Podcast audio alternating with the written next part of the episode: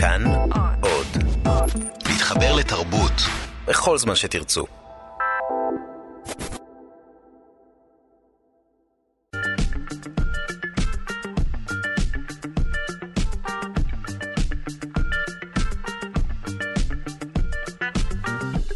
שלושה שיודעים. שלום לכם, מכירים את זה שמלצר אומר לכם, תהנו מהארוחה ואתם ישר עונים לו, "כן, גם אתה, ואז אתה מבין בעצם שפלטת שטות. הוא מיד מתקן, אה, תודה. לשמחתנו במוח שלנו יש תאי עצב שנועדו לפקח על ההתנהגות שלנו, לתפוס טעויות וגם לתקן אותן, ובכך בדיוק עוסק המחקר החדש שנדבר עליו היום. חוקרים אמריקאים גילו נוירונים ספציפיים במוח, שאחראים על ניטור טעויות, נוירונים שנדלקים מיד כשאנחנו טועים. אגב, יכול להיות שהתנהגות כפייתית היא תולדה של פעילות יתר של הנוירונים האלה, שכן אנחנו שוב ושוב בודקים, למשל, האם נעלנו את הדלת. הנוירונים האלה שאמורים לנטר שגיאות פועלים ביתר שאת, מיד כל הפרטים על המחקר המרתק הזה. שלום לכם, אנחנו שלושה שיודעים מכאן תרבות, אני דודו ארז, והיום שניים בינואר, יום המדע הבדיוני הבינלאומי, כי זה גם יום ההולדת של סופר המדע הבדיוני המפורסם בעולם, אייזיק אסימוב, אה, ולכן אנחנו מארחים כאן באולפן אה, שניים שיספרו לנו על מדע בדיוני ופנטזיה. ראשית, אה, ליאת שחר קשטן, יושב ראש, יושבת ראש האגודה הישראלית למדע בדיוני ולפנטזיה, שלום לך. שלום. וגם לצידה יושב אהוד מימון, שהוא מרצה וכותב על מדע בדיוני ועורך את אסופת הסיפורים היו יהיה. מיד נבין מהי אותה אסופה, אבל שלום לך. שלום, שלום. טוב, אנחנו מדברים איתכם על מדע בדיוני. מה זה בכלל מדע בדיוני? מה נכנס ל- להגדרת הסוגה, הז'אנר? מה ההבדל בין מדע בדיוני לפנטזיה? אה, על נשים בז'אנר הזה, על קהילת המדע הבדיוני והפנטזיה בישראל, יחסית לקהילה בחו"ל, על הדימוי של הז'אנר, על הדימוי של קהילת המעריצים. ונעסוק בעוד עניינים. שימו לב, בס- בסיס צבאי פרסי התגלה בישראל, ועתה נדייק, ארכיאולוגים חשפו בצפון הארץ באזור תל קיסון, הסמוך לעמק יזרעאל, מחנה צבאי פרסי מלפני 2,500 שנה. הבסיס שימש את הפרסים ככל הנראה להתארגנותם לקראת פלישה למצרים, ומה נמצא בבסיס שם? טילים, מרגמות, לא ולא, אלא סירי בישול וחדי חרס. מיד אה, נדבר על הכתבה שפורסמה בעיתון אה, הארץ. וגם, אנטיביוטיקה אאוט, קוקטייל אנטיביוטיקה אין. זאת אומרת, ערבוב של כמה סוגים של אנטיביוטיקה, ואני משער שגם מטריה קטנה מעל. הכותרת שלנו היא שיטה חדשה לאומדן של יעילות קוקטייל עם אנטיביוטיקה. שיטה חדשה לאמוד עד כמה הקוקטיילים האלה יעילים הוצגה על ידי חוקרים בפקולטה לביולוגיה בטכניון. הדברים הוצגו בכתב העת Nature Microbiology, והמחקר מראה שהיעילות של הקוקטייל, שימו לב למסקנה, מושפעת ממגוון התרופות שבו, ופחות מהמינון שלה. תרופות. מיד על המחקר הזה. וגם הערב ייערך במרכז הבינתחומי הרצליה כנס מיוחד שעוסק בשילוב מעניין בין חלל לבין החוקים שחלים בחלל. מה קורה בחלל מבחינה משפטית? האם המוצא לוקח? אה, הגעתי לאסטרואיד שעשוי מיהלום. האם אני יכול לפרק אותו וזהו, הוא שלי, תקעתי דגל בכוכב לכת, האם כבשתי אותו? ועוד. הדברים האלה הם מקבלים אה, משנה תוקף כי חקר החלל עבר בזמן האחרון לידיים פרטיות, מגמה שככל הנראה תתחזק, ולבעלי הון אה, באופן טבעי, מה שהופך את השאלות האלה למאוד אה, רלוונטיות. זה קורה היום אגב בארבע וחצי, אנחנו מיד נדבר אה, אה, עם אה, נציג של הכנס הזה היום בארבע וחצי בקמפוס המרכז הבינתחומי הרצליה. העורך שלנו הוא רז חסון, המפיקה ליטל אמירן, על הביצוע הטכני די.ג'י אלון מקלר, תודה רבה ליגאל שפירא שמלווה אותנו. אתם מוזמנים להאזין לשלושה שיודעים בכל זמן ובכל מקום באמצעות היישומון החינמי כאן אודי. מורידים את היישומון, מתקינים אותו בטלפון, וכך תוכלו ליהנות מכל התכנים של כאן תרבות. בכל זמן ובכל מקום, כל ההסכתים, כל המוסיקה, כל החדשות, ועוד יום המדע הבדיוני הבינלאומי. שלום לכם. שלום. שלום. טוב, אז קודם כל נתחיל מהאגודה, נתחיל אחד-אחד. ליאת שחר קשטן, נכון. יושבת ראש, האגודה, יושבת ראשה, האגודה ה... הישראליתה למדע הבדיונייה ופנטזייה. קודם כל, מהי האגודה? מהי אותה אגודת סתרים? האם לא מדובר בכת סהרורית? מה את לא- ממנכלת שם? אנחנו לא אגודת סתרים, אנחנו אה, דווקא די אה, מפורסמים, אני מקווה. אה, אנחנו בעיקר עושים אירועים וכנסים שעוסקים בתחום של הז'אנר ספרות, קולנוע, טלוויזיה וכל היוצא בזה. יש לנו את פסטיבל אייקון בסוכות, פסטיבל כנס עולמות בפסח. אנחנו מחלקים את פרס גפן למדע בדיוני ופנטזיה, הפרס היחיד לסוגה בארץ. אנחנו מוצאים את שפת הסיפורים היו יהיה, שאהוד יספר עליה ממש עוד מעט, ויש לנו שלל פעילויות אה, נוספות, רואים מועדוני קריאה, תחרויות כתיבה והמון המון דברים. הכל סביב מדע בדיוני הכל ופנטזיה? סביב מדע בדיוני ופנטזיה. וכמה חברים יש בעמותה הזו? בעמותה יש כמה מאות חברים, ולכנסים שלנו מגיעים כמה אלפי אנשים. פשש, וואו. כן? טוב, אז רגע, בוא ספר לנו מה אתה עושה בעמותה, בבקשה. אהוד מימון. נכון. ואני עורך את היו יהיה, שזו אסופת הסיפורים שהאגודה מוציאה לאור מדי שנה כבר עשר שנים, שהמטרה שלה היא לתת במה ליוצרים. ולתת אה, מקום לפרסם סיפורי מדע בדיוני ופנטזיה. אנשים שמייצרים מקוריים. סיפורים, שכותבים סיפורים מקוריים. אך ורק. ויש ישראלים. כאלה בישראל? יש, יש הרבה. Mm, מעניין. אה, קיבלנו כמעט, קיבלנו יותר מ-70 סיפורים לאסופה של השנה, שנשלחו אלינו. ובסופו של דבר אתם אה, מפרסמים את, ה, את אלה שאתם בוחרים בהם. כן, אה, 11 מתוך 70 פרסמנו השנה. סלקציה אכזרית, אין. מה לעשות. כן. טוב, אז אה, קודם כל זה נשמע מאוד מעניין. איך הגעתם ל- לעסוק במדע בדיוני ופנטזיה? ומיד נדבר על ההבחנה בין הסוגות האלה, אם אלה סוגות שונות. איך הגעתם לכך? באיזשהו שלב בתיכון התחלתי לקרוא מדע בדיוני ופנטזיה, ואז הבנתי שאין אין לי עניין לקרוא סוגות אחרות. מה בגדול. קראת? מה, מה למשל? אה, התחלתי ממדריך הטרמפיסט לגלקסיה, אה, ומשם התגלגלתי, קראתי הרבה סטיבן קינג באותה תקופה, קראתי הרבה אסימוב באותה תקופה, קראתי טולקין, קראתי כל מה שנפל לי לידיים שהיה בספרייה העירונית, שזה לא היה הרבה, ואז עברתי לספרייה העירונית המרכזית. אה, פשוט ש- קראתי כל מה שנפל לי ליד. ו... והשאר היסטוריה. והשאר היסטוריה, כן. פש, ואיך אתה הגעת? אני גדלתי בבית שבו כולם קראו מדע בדיוני ופנטזיה, והם דיברו על זה, והייתי צריך לדעת על מה הם מדברים, אז לקחתי ספרים מהמדף והתחלתי לקרוא אותם. זאת אומרת, בארוחות משפחתיות אצלכם, במקום לדבר על כל מיני שאלות אה, יומיומיות, או שיחות סלון כלליות, עוסקים במדע בדיוני ופנטזיה. פחות או יותר. טוב, בואו נתחיל מההבחנה הבסיסית. מה ההבדל בין מדע בדיוני, קודם כל, מה ההגדרה לסוגת המדע הבדיוני, ומה ההבדל בין מדע בדיוני לבין פנטזיה? האם כשאני רואה אה, בסרט אה, גמד עם טבעת קסמים זה, זו פנטזיה, וכשאני מרים את הידיים ורואה חללית, אה, את העיניים, סליחה, כמובן, אה, אז אה, מדובר במדע בדיוני.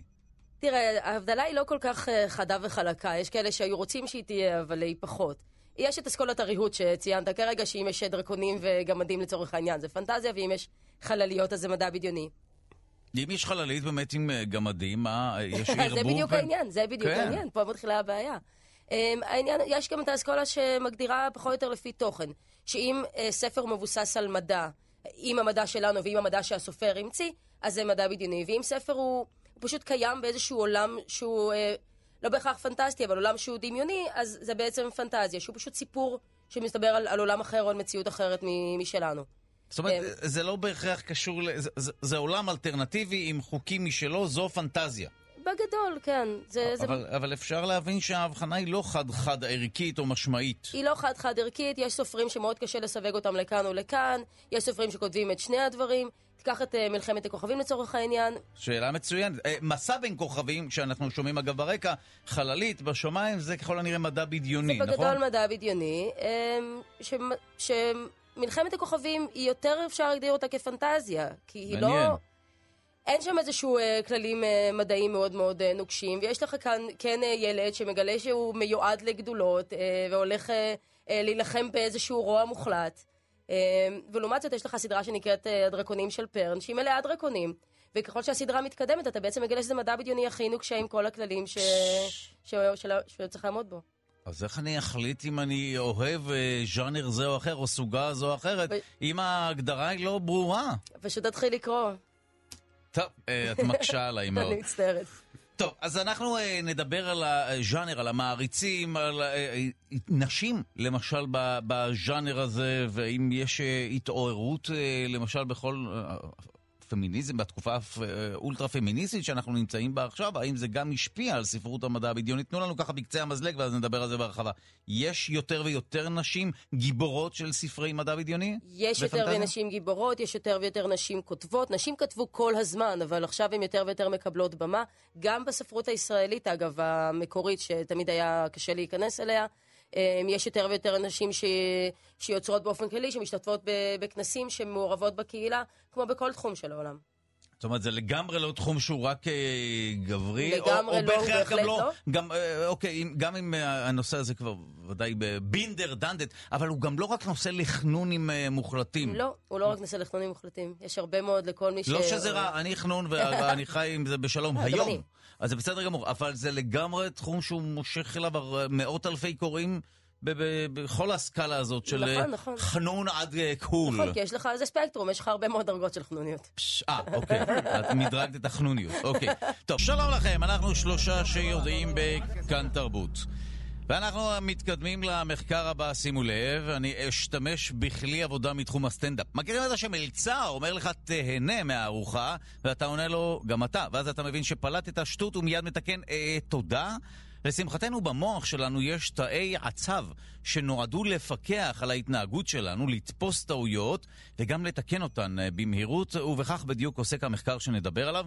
חוקרים אמריקאים גילו נוירונים, תאי עצב ספציפיים במוח, שאחראים ככל הנראה על ניטור טעויות. נוירונים שנדלקים מיד כשאנחנו עושים טעות. אגב, יכול להיות שהתנהגות כפייתית היא תולדה של פעילות יתר של הנוירונים האלה, המחקר נעשה על ידי חוקרים ממעבדת קלטק שבקליפורניה בשיתוף פעולה עם מעבדות רבות. ועל תאי העצב המתקנים האלה אנחנו רוצים לדבר עם חוקרת המוח דוקטור נועה אלבלדה ממרכז סגול למוח ותודעה במרכז הבינתחומי הרצליה. שלום לך. היי דודו, מה נשמע? בסדר, מה הבשורה הגדולה שהצליחו למצוא את המקום הפיזי של התאים שבסופו של דבר מצאו פשוט תאים שנדלקים כשאנחנו טועים, נכון? נכון, אז החידוש הגדול, החידוש הגדול הוא בעצם שלראשונה הצליחו בפועל למצוא את התאים האלה בתוך המוח האנושי כבאמת תאים בודדים.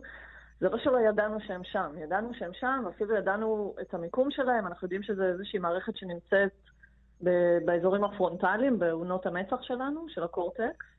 אמ, אבל בגלל המגבלות של כלי המחקר שלנו, כשאנחנו עושים מחקרים באנשים בריאים, אנחנו יכולים רק לראות את המוח באמצעות כלי הדמיה, למשל כמו MRI, ואנחנו משערים שהנוירונים האלה קיימים שם לפי כל מיני מדדים עקיפים. החידוש של המחקר הזה היה שהוא נעשה בעצם באנשים שהם חולי אפילפסיה, ופיזית החדירו להם אלקטרודות ממש לתוך רקמת המוח, וככה אתה יכול ממש לאתר נוירונים בודדים או, או רשתות קטנות של נוירונים ולזה בדרך כלל אין לך נגישות כשאתה עושה מחקרים. וואו, ו- ובאמת, מה, מה היתרון האבולוציוני שאנחנו מרוויחים מהנוירונים מה, האלה, מתאי הצו האלה? זה, זה בעצם מערכת של למידה. זה, תחשוב שיש לך שם איזושהי מערכת של, אפשר להתייחס לנוירונים האלה כסוג של חיישנים, שכל הזמן בודקים מה אתה עושה, וברגע שהם בעצם מאתרים טעות, הם גורמים לך לאיזושהי מין תחושה כזאת, נכון? אנחנו מרגישים כשעשינו טעות, כמו בדוגמה שנתת, שאמרנו למלצר, תהנה גם אתה מהאוכל, אנחנו מיד מבינים שמשהו פה לא בסדר. שהוא יישאר רעב עד הבוקר. כנראה. אמ, אז, אז, אז זה איזושהי מערכת של למידה, זו מערכת שהתפקיד שלה להגיד לנו, שימו לב, טעיתם, ועכשיו צריך לתקן. כשהיא מערכת שהיא רצה כל הזמן, אם אני משווה את זה לתוכנה שמריצה איזו שגרה, כך אה, משתמשים בביטוי הזה, אנשי מחשבים, מעין שגרה שרצה לנו במוח וכל הזמן מנטרת טעויות? נכון, המוח שלנו בעצם יודע לעשות ניבויים למה הוא מצפה שאמור לקרות. וברגע שיש לך איזשהו חוסר התאמה בין הניבוי, מה שהמוח ציפה שיקרה לבין מה שקרה בפועל, אז, אז נוצרת לך התחושה הזאת בעצם שעשית טעות, וככה אתה יכול אה, ככה אתה יכול לתקן אותה. באופן כללי, האזורים הפרונטליים שלנו זה אזורים שיש להם הרבה תפקידים כאלה של מין פיקוח על כל מה שנעשה במוח ובחוץ. פשט, עכשיו, מה הקשר בין השגרה הזו או בין התאים האלה להתנהגות אה, כפייתית או קומפולסיבית? כן, אז, אז רק נגיד שיש הפרעה, מחלה פסיכיאטרית שנקראת OCD, הפרעה אובססיבית קומפולסיבית, ואלה בעצם אה, אנשים שמאופיינים ב... מחשבות אובססיביות שמעוררות חרדה, ובשביל להפחית את החרדה הם עוסקים הרבה פעמים בכל מיני טקסים התנהגותיים. למשל, יש לך חרדה לחלות במחלות, אז אתה עומד כל היום ושוטף ידיים.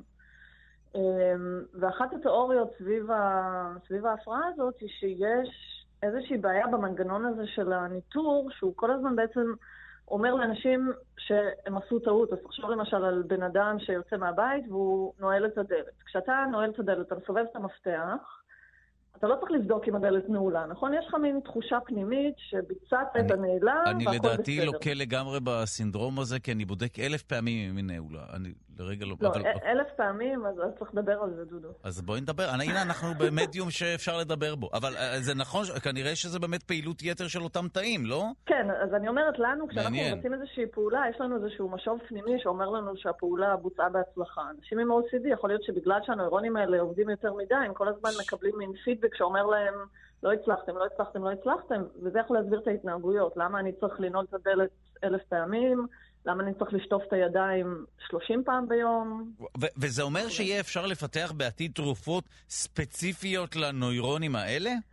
כן, תראה, היום יש טכנולוגיות של מה שנקרא גריעה מוחית עמוקה. זאת אומרת, אתה יכול פיזית להכניס אלקטרודות לתוך המוח, ודרך גירויים חשמליים אתה יכול להשפיע על פעילות של מעגלים עצביים, כמו שעושים למשל לחולי פרקינסון.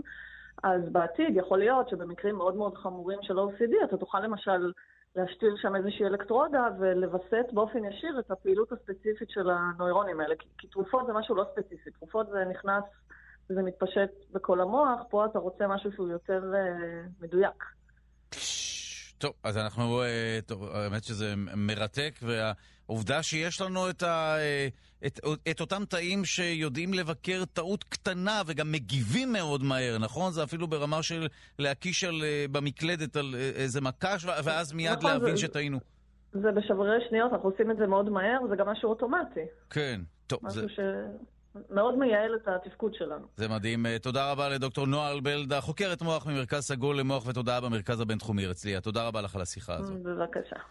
טוב, אז אחרי שהבנו שיש לנו אה, נוירונים במוח שמנטרים אה, תקלות או טעויות במהירות, זה סוג של מדע בדיוני, להגיע לנוירונים האלה. המדע הבדיוני זה משהו שמתממש, לא? כן, בהחלט. לא רק העיצובים של הטלפונים בסטארט-טק הפכו לקרום וגידים. אלא יש הרבה דברים שאנחנו הרווחנו בזכות המדע הבדיוני, לדעתי, לא? זה משהו שפותח את הראש. בהחלט משהו כן. שפותח את הראש. אה, למעשה, אני חושבת שהממשל האמריקאי העסיק פעם סופרי מדע בדיוני כדי ליצור כל מיני פרוטוקולים של אה, מגע ראשון עם חייזרים ושלל פרוטוקולים אחרים. מעניין. וחברות טכנולוגיה מעסיקות היום אה, סופרי מדע בדיוני בשביל לשמוע מהם רעיונות, כדי לשמוע את דעתם על רעיונות. מייקרוסופט וגוגל, באמת, חברות הגדולות ביותר, מבקשות מסופרי מדע בדיוני פידבק. אז זה לא כל מיני אנשים מוזרים שיש לזלזל בהם, אלא ההפך. חלילה. וואו. טוב, התחלנו לדבר מעט על הסוגה, אנחנו נזכיר למאזינים ולמאזינות שהיום שניים בינואר, יום המדע הבדיוני הבינלאומי. מיד יחלו חגיגות ברחבי הארץ, פסטיבלים של מדע בדיוני, כינוסים רבים בצפון, בדרום, מיד ברכת נשיא המדינה למעריצי הסוגה, שתועבר אה, ברשת אה, כאן ב' כמובן, כאן בתאגיד. נמצא, נמצאים איתנו כאן שניים, ליאת שחר קשטן, יושבת ראש האגודה הישראלית למדע בדיוני ולפנטזיה, ואהוד מימון, מרצה אה, על מדע בדיוני וגם עורך את אסופת הסיפורים היו אה, יהיה. התחלנו לדבר מעט על ההבדל בין הסוגות, בין מדע בדיוני לבין פנטזיה. בואו נדבר על היסודות של הז'אנרים האלה, על היצירות שהגדירו את, ה, את התבנית הבסיסית של הסוגה הזו. טוב, אז אם אנחנו מדברים על מדע בדיוני, שנה שעברה, 2018, חגגנו 200 שנה לפרנקנשטיין של מרי שלי. שבו אנחנו לוקחים עקרונות מדעיים ושואלים מה אנחנו יכולים לעשות איתם. Uh, היא עומדת בבסיס של הכל, אחרי זה אנחנו מגיעים לדורות של uh, ורן, ז'ול ורן ואורסון ווילס. ו-H.G. ווילס כמובן. כן. ואז שנות ה-40 ו-50 מגיע תור הזהב של המדע הבדיוני, כפי שהוא נקרא, אסימוב, שהיום אנחנו חוגגים 99 שנים להולדתו. כשמה ו... הבשורה שהוא הביא ביחס למה שהיה?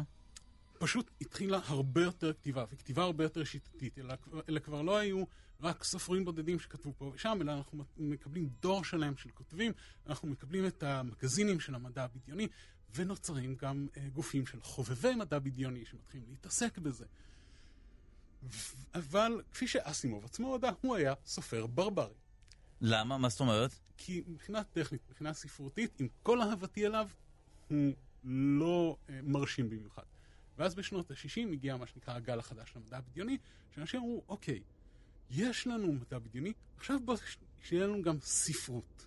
והתחילו לכתוב ספרות אה, יותר עמוקה, יותר טובה, יותר מתוחכמת, יותר מעניינת מהבחינה הספרותית. לא ניקח אותך על כל הגלגולים של המדע הבדיוני, נקפוץ קדימה בזמן, כמו שאנחנו אוהבים לעשות. כן. ונגיע ל-20 שנה האחרונות, ולמה שהסופרת אליזבת בר כינתה תור אה, עידן הקשת בענן של המדע הבדיוני. כשפתאום דברים נפתחים ונכנסים לנו אה, תת-סוגות חדשות וכותבים חדשים ותרבויות חדשות. זאת אומרת, זה תחום שהוא מאוד מתפתח ממש עד העשרות אה, שנים האחרונות. כל הזמן. וואו, אבל מה היצירות שהגדירו את הסוגה מההתחלה? בואו נקפוץ שוב לאחור ואז נחזור להווה. זאת אומרת, מה, מה התנ"ך של המדע הבדיוני? מה שאנחנו קוראים הלחם, מה שכל חובב צריך לקרוא. כן, נכון, כן. זה עדיין אסימוב, צריך לקרוא את מרי שלי, צריך לקרוא את אסימוב. אסימוב, אתה פתחת פה סכסוך עם המשפחה. כן, אבל עם כל הבעייתיות שלו, עדיין דברים שהוא כתב חשובים היום. צריך לקרוא את ארתור סי קלארק, עם כל הבעייתיות שלו, כי, כי הדברים שהם יצרו אז עדיין נמשכים היום. ואחר כך צריך לקרוא את אורסולה לה גווין. חייבים לקרוא את אורסולה לה גווין, וצריך אה, לקרוא סופרים כמו סמואל דילייני. משנות ה-60, צ'יפ דילייני, מייקל מורקוק, אנשים כאלה, ג'יימס טיפטרי ג'וניור, שזה... עכשיו, ש... תן לי מעט, אה, עבור, אנחנו מדברים על הסוגה הזאת, תן לי מעט את הנושאים שבהם הסוגה הזו עוסקת בהם. זאת אומרת, מה, מה זה אומר מדע בדיוני? חלליות אנחנו יודעים, מה, חייזרים, מה זה אומר? במה מתעסקים? האם המהות, אני מבין שיש הגדרות לז'אנר, אבל... אבל עצם העיסוק, מה שנמצא בפנים, הנוזל שבתוך הכלי הזה. ברשותו של אהוד אני אענה. אני חושבת שמה שבאמת הכי יפה במדע בדיוני, במיוחד במדע הבדיוני של היום, שהוא... אם הסופרים של שנות ה-50, אסים, התעסקו במדע בדיוני הטהור, כן. דיברו על מדע בדיוני ורעיונות מדע בדיוני, וכל שאר הנושאים היו שוליים. כיום המדע הבדיוני הוא רקע להתעסקות בנושאים מכל, מכל התחומים, התעסקות בנושאים חברתיים, התעסקות בנושאים אקולוגיים, התעסקות בכל הנושאים כי זה, כי זה נושא שאתה יכול לקחת אותו, אתה לא יכול לקחת כל נושא הכי קשה והכי כואב שאפשר. ז, זו סוגה שאפשר לרתום אותה גם למסרים? אה? ברור, כי אתה לוקח את המסר שלך ואתה מנתק אותו. מנתק אותו מהמציאות העכשווית, ואתה יכול להתעסק איתו בצורה הכי טהורה שלו. אם זה גזענות, אם זה בעיות אקולוגיות, אתה, אתה יכול להשתמש בזה בתור איזשהו... אה... נזכיר שבמסע בין כוכבים המיתולוגיים מסוף שנות ה-60 היו על הסיפון רוסים ואמריקאים נכון, ואסייתים נכון. וכולי, וזה היה מאוד שנוי במח... הנשיקה בין גזעית הראשונה בטלוויזיה. נשיקה בין הקפטן הלבן, נכון, אה, נכון. קרק, שאגב, קרוב משפחה שלו חתום על מגילת העצמאות, לא יודע אם אתה יודע, אבל וויליאם שטנר, אז יש שם שטנר אחד שהוא חתום על מגילת העצמאות. מגילת העצמאות קשורה למסע בין כוכבים. אבל הוא התנשק, והייתה שם נשיקה עם אה, לוטנט הורה, נכון? ובגלל שזה היה מדע בדיוני, אז לא היה את האפרור שהיה יכול לקרות. אתה יכול להשתמש בתור איזשהו... אמ, שדה ניסוי חברתי, אתה יכול לבדוק מה יקרה אם אה, יוציאו את החלק הזה מהחברה. מדהים שפעם זה היה מדע בדיוני, אה? מדהים, כן. מה קורה לנו, האנושות הזאת, איזה מוזרים אנחנו. בדיוק. כן, אבל הנה, המדע הבדיוני באמת מקדים באמת את, ה, את זכויות אדם ואת התפיסה הכלל אנושית הזו. בדיוק. וואו, טוב, אז שכנעתם אותי שהז'אנר הוא ראוי. יש אה, אה, מדע בדיוני בישראל? אני מבין שיש אה, מחברים, אתה ודאי עוסק בזה, באיסוף של סיפורים שיש להם אספירציות בתחום המדע הבדיוני, אבל זה משהו שהוא חי ובועט כאן? הוא חי ובועט ומתעורר לחיים אה, חדשים, לחיים אה, מאוד עשירים. ב-10-15 שנים האחרונות. כן? יש שתי קבוצות די מובחנות של ספרי מדע בדיוני, יש אנשים שמגיעים מתוך הקהילה שלנו, מתוך קהילת חובבי המדע הבדיוני והפנטזיה, ואלה הרבה מהאנשים שאתם יכולים למצוא ב-IO יהיה. סופרים כמו, וסופרות אולי חשוב לומר, כי הרבה מאוד סופרות, כמו רותם ברוכין וקרן לנצמן ויעל פורמן ושחר אור ו- ו- ואחרים. וורד טוכטרמן כמובן. ומצד שני, יש סופרים שמגיעים מבחוץ, כמו יואב אבני, שהוא לא בהכרח חלק מהקהילה, אה, אה, או אופיר טושי גפלה, שהוא אפילו יותר מרוחק מהקהילה, כי יואב כן מגיע לכנסים מפעם לפעם, אה, אופיר טושי גפלה ואנשים אחרים, ש, שכותבים, שכותבים מדע, כותבים מדע בדיוני, למעשה. ויש לנו אורחים ואורחות היום בתעשייה שמוציאים, ש, ש, שמגשרים על הפערים האלה, שמוציאים את את הנישה הזאת החוצה אל המיינסטרים. חייבים להזכיר כאן את נועה מנהיים, שעושה עבודה מדהימה היא בכלל, היא עורכת מעולה בזמור הביטן, ו- ו- והיא מאוד מקדמת את הנושא. טוב, אז אנחנו, אה, אה, השיחה הבאה שלנו תהיה על הצרכנים ועל הלקוחות, והאם אה, בעבר לצרוך מדע בדיוני היה מעיד עליך, כ... היית רואה את עצמך כחנון, או אחרים היו רואים אותך כחנון, כמוזר, כוואווה, כקוקו, והיום הפכנו, אני מכניס את עצמי לתוך הפול הזה, לסוג של מיינסט. שלום לכם, אנחנו שלושה שיודעים בכאן תרבות. בסיס צבאי פרסי התגלה בישראל, אין צורך להיכנס אל המב"דים. אה, כותרת אה, מדויקת יותר, שימו לב, ארכיאולוגים חשפו בצפון הארץ, באזור תל קיסון, הסמוך לעמק יזרעאל, מחנה צבאי פרסי מלפני 2,500 שנה. הבסיס שימש את הפרסים ככל הנראה להתארגנותם לקראת פלישה למצרים, מה נמצא שם בבסיס? האם טילים ומרגמות? לא, לא ולא. סירי בישול וחדי חרס, הדברים פורסמו בעיתון הארץ, ועל התגלית המסקרנת הזו אנחנו רוצים לדבר עם פרופסור אה, גונר למן, חוקר במחלקה לארכיאולוגיה באוניברסיטת בן גוריון בנגב ומנהל החפירה. שלום לך. שלום, בוקר טוב. טוב, אנחנו נשמח לשמוע מה מצאתם שם אה, ולמי שייכים הכלים האלה. כן, קודם כל, באמת, לא חשבנו על זה שהיום אתה מדבר על פרסים, אתה חושב על טילים ואיום וכל... לא, אנחנו מן הסתם, אנחנו מדברים פה על בסיס מאוד ישן, לפני 2,500 שנה. מה אה, מוצאים מזה היום? לא הרבה. ההריסות של, של הבסיס, אה, יש בורג ענק עם אה, אמפורות של, של יין שהחיילים שתו שם. אה, יבוא מיוון אפילו, אה, דברים כאלה, שברים של קרמיקה במיוחד, אה, שרידים ארכיאולוגיים שהם קטנים הרבה פעמים, ועצמות.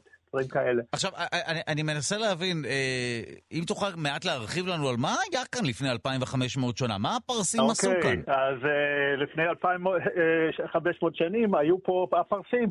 היה פה אימפריה אה, אה, שהיא קמה בפרז, החמינים קוראים להם גם פרספוליס, הייתה הבירה שלהם, דריווש, קורוש, אה, עם זאת הגיע גם סוף הגלות הישראלי בבבל, חלק מהיהודים חזרו ארצה, זה מוכר לנו, נכון? זה היסטוריה.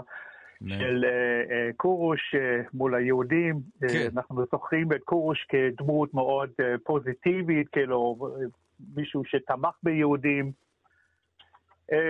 זה הסיפור, והם כבשו את כל מזרח התיכון המודרני, כאילו, כל המזרח הקדום היה בשלטון פרסית אז. עכשיו, אני מבין שהם כן. התארגנו, סליחה, בבסיס הזה לקראת פלישה למצרים, כי מה, הם כן. רצו להשתלט על עוד ועוד שטחים? נכון, תראה, אם.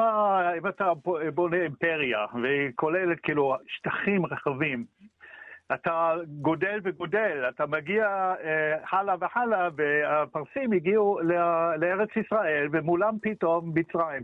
מצרים הייתה בעצם המעצמה היחידה ש, אה, אה, אה, כאילו ששרדה בשלב הזה. אנחנו מדברים על כ-500 שנה לפני הספירה.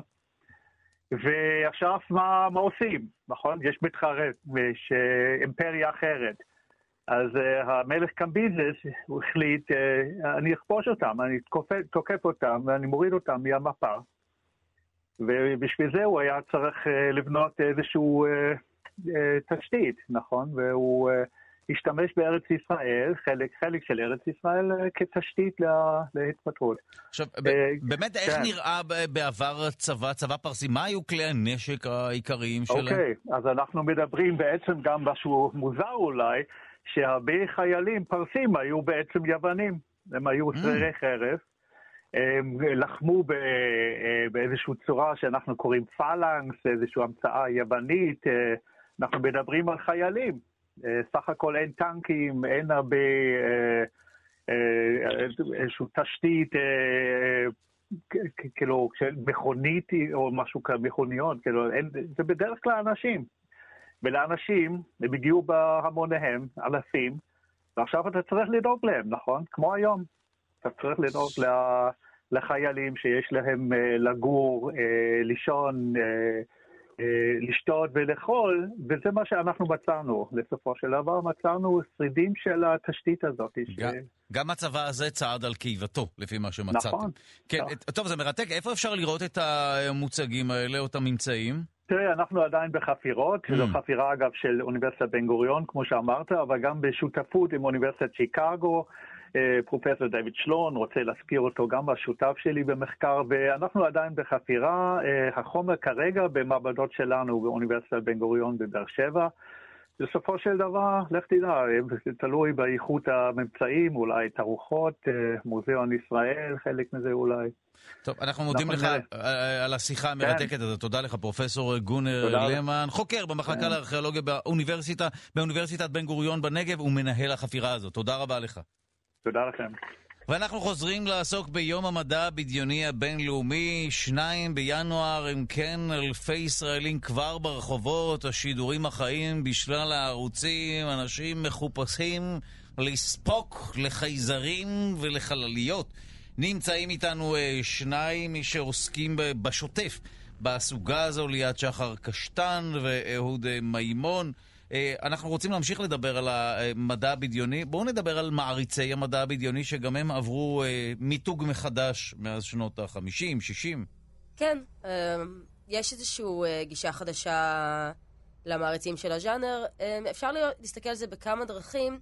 יש גלישה מאוד גדולה של, של הז'אנר למיינסטרים. אתה מסתכל על משחקי הכס, אתה מסתכל על כל הסרטים של מרוויל. המיינסטרים אין בו כלום, אז הוא שואב מהשוליים. כי מה יש במיינסטרים? כלום בכלום. אז יש שאיבה מהשוליים כל הזמן. כן. רק בשוליים קורים דברים זה מעניינים. זה נכון, רק השוליים כן. מעניינים. כן.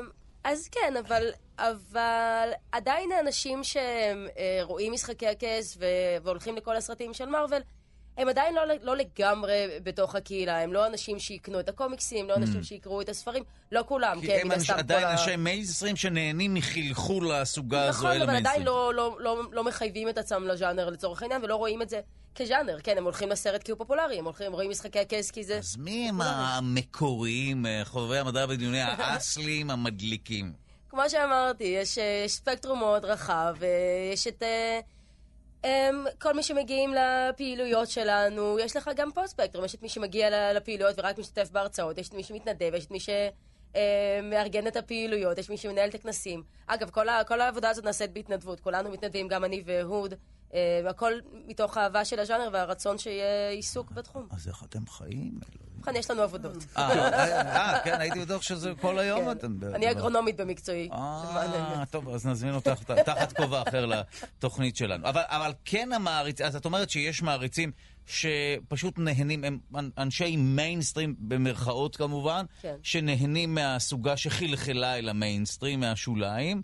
אבל כן יש את האוהדים המושבעים של הסוגה הזו. יש את האוהדים המושבעים של הסוגה, והם, אתה יודע, מכל מקום, הם כבר לא... הם, אה, מעולם לא למעשה הסתובבו ברחוב עם אוזניים של ספוק ו...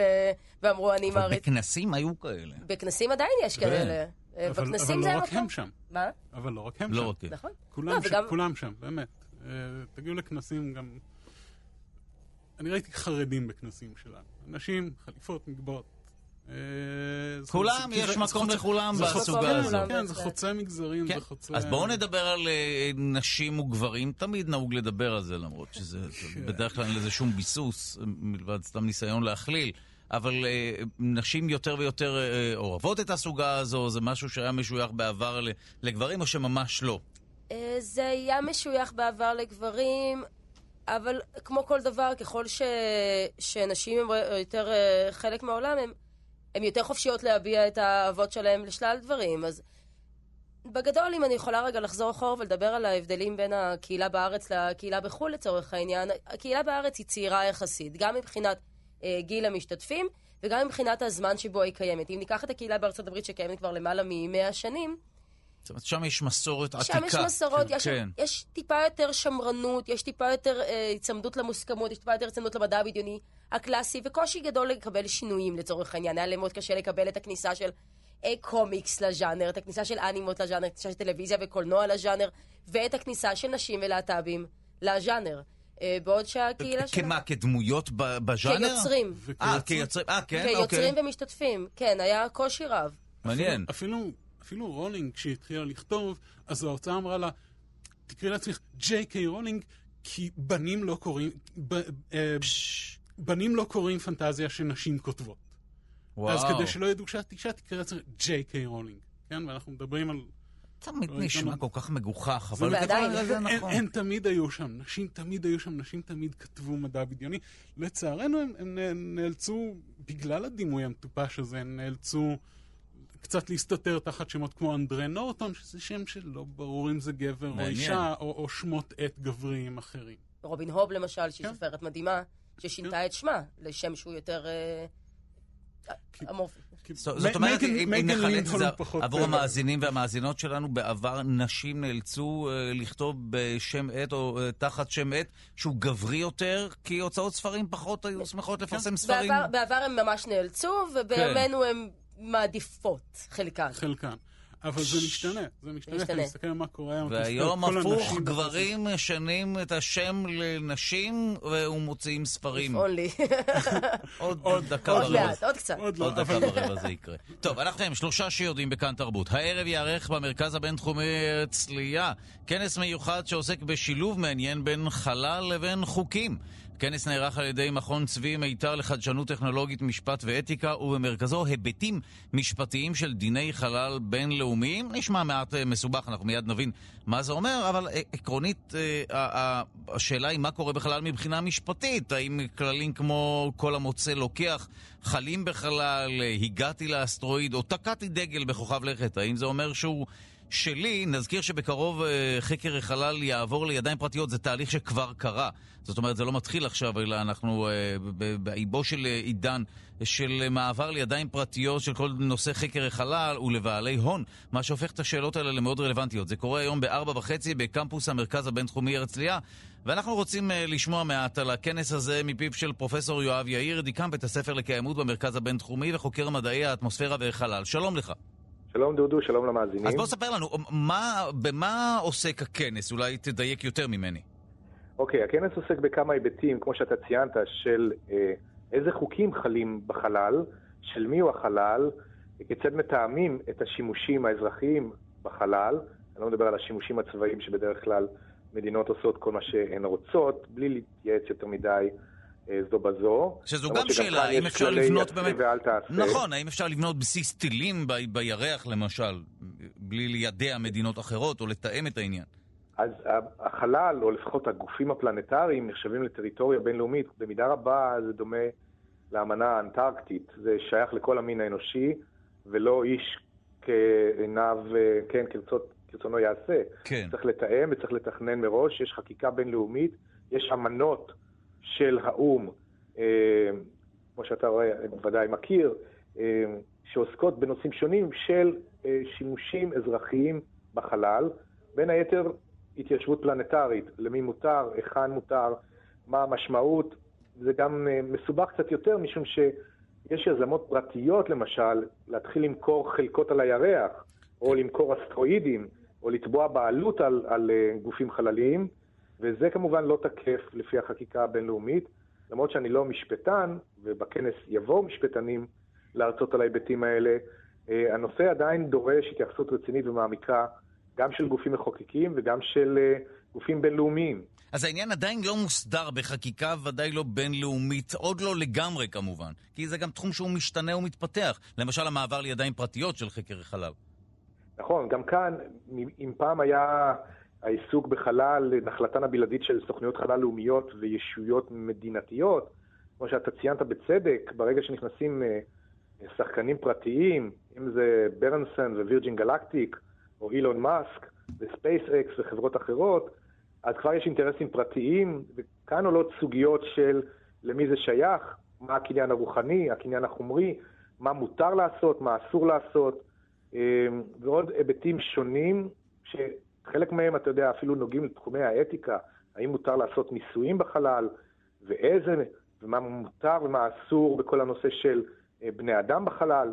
יש פה הרבה מאוד שאלות, והתחום הוא אה, מרתק, ואני מזמין את הקהל של המאזינים לבוא ולהתרשם מההרצאות ביום העיון אצלנו. אז זה קורה היום בארבע וחצי אצלכם, נכון? במרכז הבינתחומי הבינתחומי בהרצליה, נכון. אני רק עוד משפט אחד. כן. אנחנו בסוף הכנס נעשה פאנל שעוסק בהתפתחות, יזמות וחדשנות בחלל, ויבואו ארבעה יזמים ישראליים מחברות שונות, ויציגו את אה, העתיד כפי שהוא נראה דרך עין ישראלית. העתיד האזרחי, לא רק הצבאי, שבו ישראל כסטארט-אפ ניישן, כמדינה חדשנית, יזמית, שיודעת לעשות דברים חדשים קטנים ויעילים ומפתיעים אפילו, אז אה, זה פן אה, שאולי הוא קצת פחות משפטי, יש לומר, אבל יותר מעניין בראייתי למי שמחפש איך נראה 10-15 שנים מעכשיו, בכל הקשור לחלל ישראלי. טוב, אני מודה לך על השיחה הזו, ואנחנו שוב מזמינים את הציבור היום בארבע וחצי. אתם מוזמנים ל, ל, למרכז הבינתחומי הרצליה, כנס ספייס. לא, תודה רבה לפרופסור יואב יאיר, דיקן בית הספר לקיימות במרכז הבינתחומי וחוקר מדעי האטמוספירה וחלל. תודה לך על השיחה הזו. חן חן. הכניסה היא חינם אגב, ההרשמה מראש. זאת אומרת, צריך להירשם, אבל הכניסה היא חינם. אנחנו מתקרבים לסיומה של השעה הראשונה שלנו מתוך שתיים, שעה ששוב נזכיר שאנחנו מארחים כאן שניים שעוסקים במדע בדיוני. ביום-יום ליאת שחר קשטן, שהיא יושבת ראש האגודה הישראלית למדע בדיוני ולפנטזיה, ואהוד מימון, מרצה וכותב על מדע בדיוני ועורך את אסופת הסיפורים היו יהיה. אתם נשארים איתנו לעוד שעה שבה נדון במדע בדיוני, כי היום הוא יום המדע הבדיוני הבינלאומי, 2 בינואר, אז תודה שהגעתם לכאן כמובן. נספר לכם מי עמל על המשדר שלנו, העורך שלנו רז חסון. המפיקה היא ליטל אמירן, על הביצוע הטכני די.ג'י אלון מקלר, תודה רבה ליגאל שפירא שמלווה אותנו. אתם מוזמנים להאזין לשלושה שיודעים בכל זמן ובכל מקום באמצעות היישומון החינמי כאן עוד או כאן אודי. הוא נמצא אצלכם בטלפון בחנות האפליקציות, מורידים אותו בחינם, מתקינים אותו וכך תוכלו ליהנות מכל התכנים של כאן תרבות. בכל זמן ובכל מקום, כל ההסכתים, כל המוסיקה, כל החדשות ועוד אנחנו יוצאים למבזק ומיד חוזרים לעוד שעה מרתקת על מדע בדיוני. וגם מחקרים נוספים, כמו למשל אנטיביוטיקה, לא הזיז אלא קוקטייל אנטיביוטיקה. ניצחנו את החיידקים. האדם ידוע לעליונה בכל מה שקשור למלחמה על החיידקים. מיד.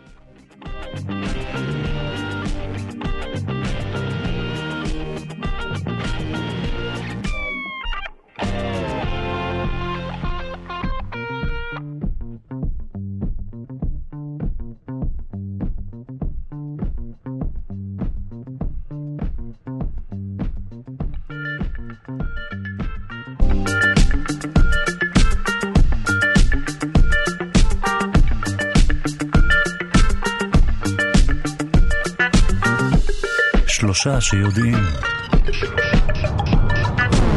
שלום לכם, אנטיביוטיקה אאוט, קוקטייל אנטיביוטיקה אין. זאת אומרת, ערבוב של כמה סוגים של אנטיביוטיקה ומטריה קטנה מעל. זה אני הוספתי. הכותרת שלנו היא שיטה חדשה לאומדן יעילותם של קוקטיילים אנטיביוטיקה, הוצגה על ידי חוקרים בפקולטה לביולוגיה בטכניון. הדברים הוצגו בכתב העת אה, Nature Microbiology, והמחקר מראה, שימו לב שהיעילות של הקוקטייל מושפעת בעיקר ממגוון התרופות שבו, ולא מהמינון שלהם. מיד נבין מה זה אומר. שלום לכם, אנחנו שלושה שיודעים בכאן תרבות. שעה שנייה, אני דודו ארז, היום שניים בינואר. יום המדע הבדיוני הבינלאומי, כי זה יום ההולדת של סופר המדע הבדיוני המפורסם, אייזיק אסימוב.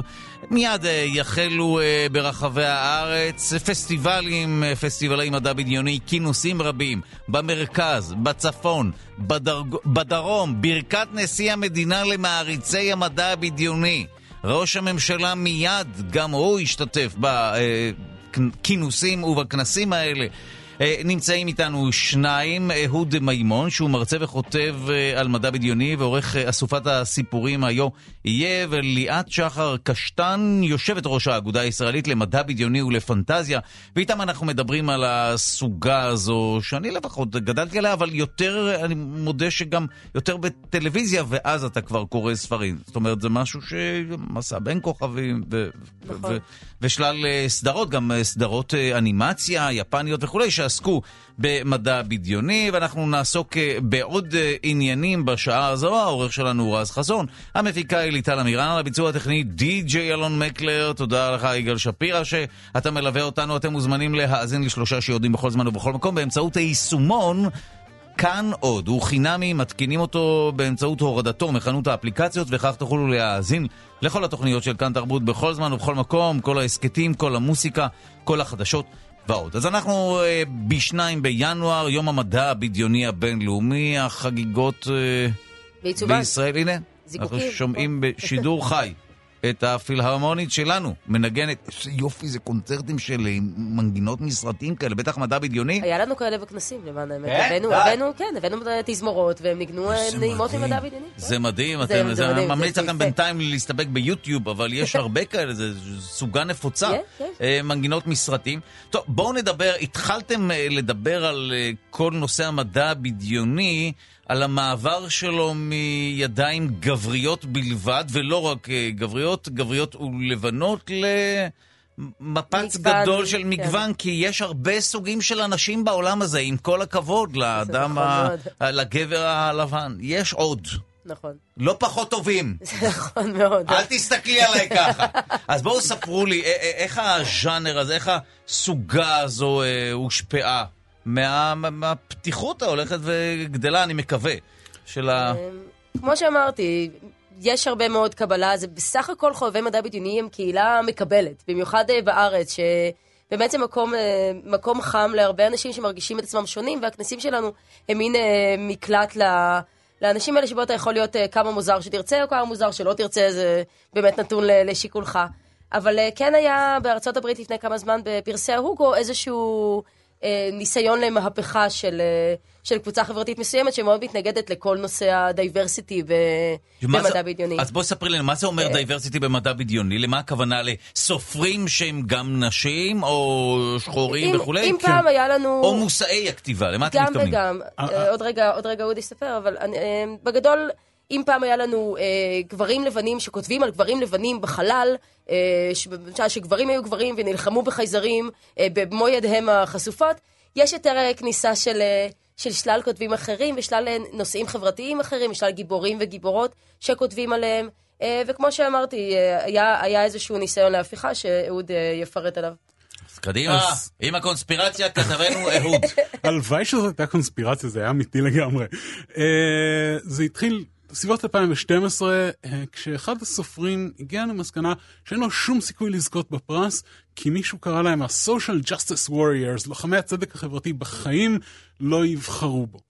ואז התארגנה קבוצה שהם קראו לעצמם הכלבלבים העצובים, שהם אמרו, אנחנו נמליץ לכם על מי לקרוא. אתם תקראו את המדע הבדיוני האמיתי, שזה אומר אמריקאי, לבן, סטרייטי. והם התחילו אה, ליצור רשימות של המלצות מטעם, להצביע לפרס הוגו, הפרס החשוב ביותר במדע הבדיוני, ואמרו, תצביעו לאנשים האלה. ואנשים שהרגישו כמוהם, שהם רובם שמרנים, אה, נוצרים הרבה פעמים, לבנים, אמריקאים וכולי, התחילו להצביע, והצביעו ככה. והם התחילו לאט לאט לגדוש את רשימות המועמדים לפרס הזה במועמדים שלהם. 2015 הם הצליחו למלא את כל הקטגוריות החשובות אה, במועמדים שלהם. עכשיו, אני ב-2015 נסעתי לכנס המדע הבדיוני העולמי שהיה בספוקן, במדינת וושינגטון, הברית, אז אמרתי, אוקיי, אני צריך לקרוא את המועמדים, כי אני הולך להצביע עליהם. וזה היה די מזעזע. זאת אומרת, היצירות שלהם היו רובן איומות ונוראות. אבל הם אמרו, לא, אתם תראו, החובבים האמיתיים יצביעו בשבילנו. ואז הגיע טקס פרס ההוגו. ואחד הדברים המעניינים בהוגו זה שאתה יכול גם להצביע no awards, זאת אומרת, אתה יכול להגיד, אני חושב שבקטגוריה הזאת, כל המועמדים כל כך מזעזעים, שלא ניתן פרס השנה. אוקיי. ואני יושב שם בקהל, וקטגוריה אחרי קטגוריה שלהם, הם מפסידים. No award, no award, no award.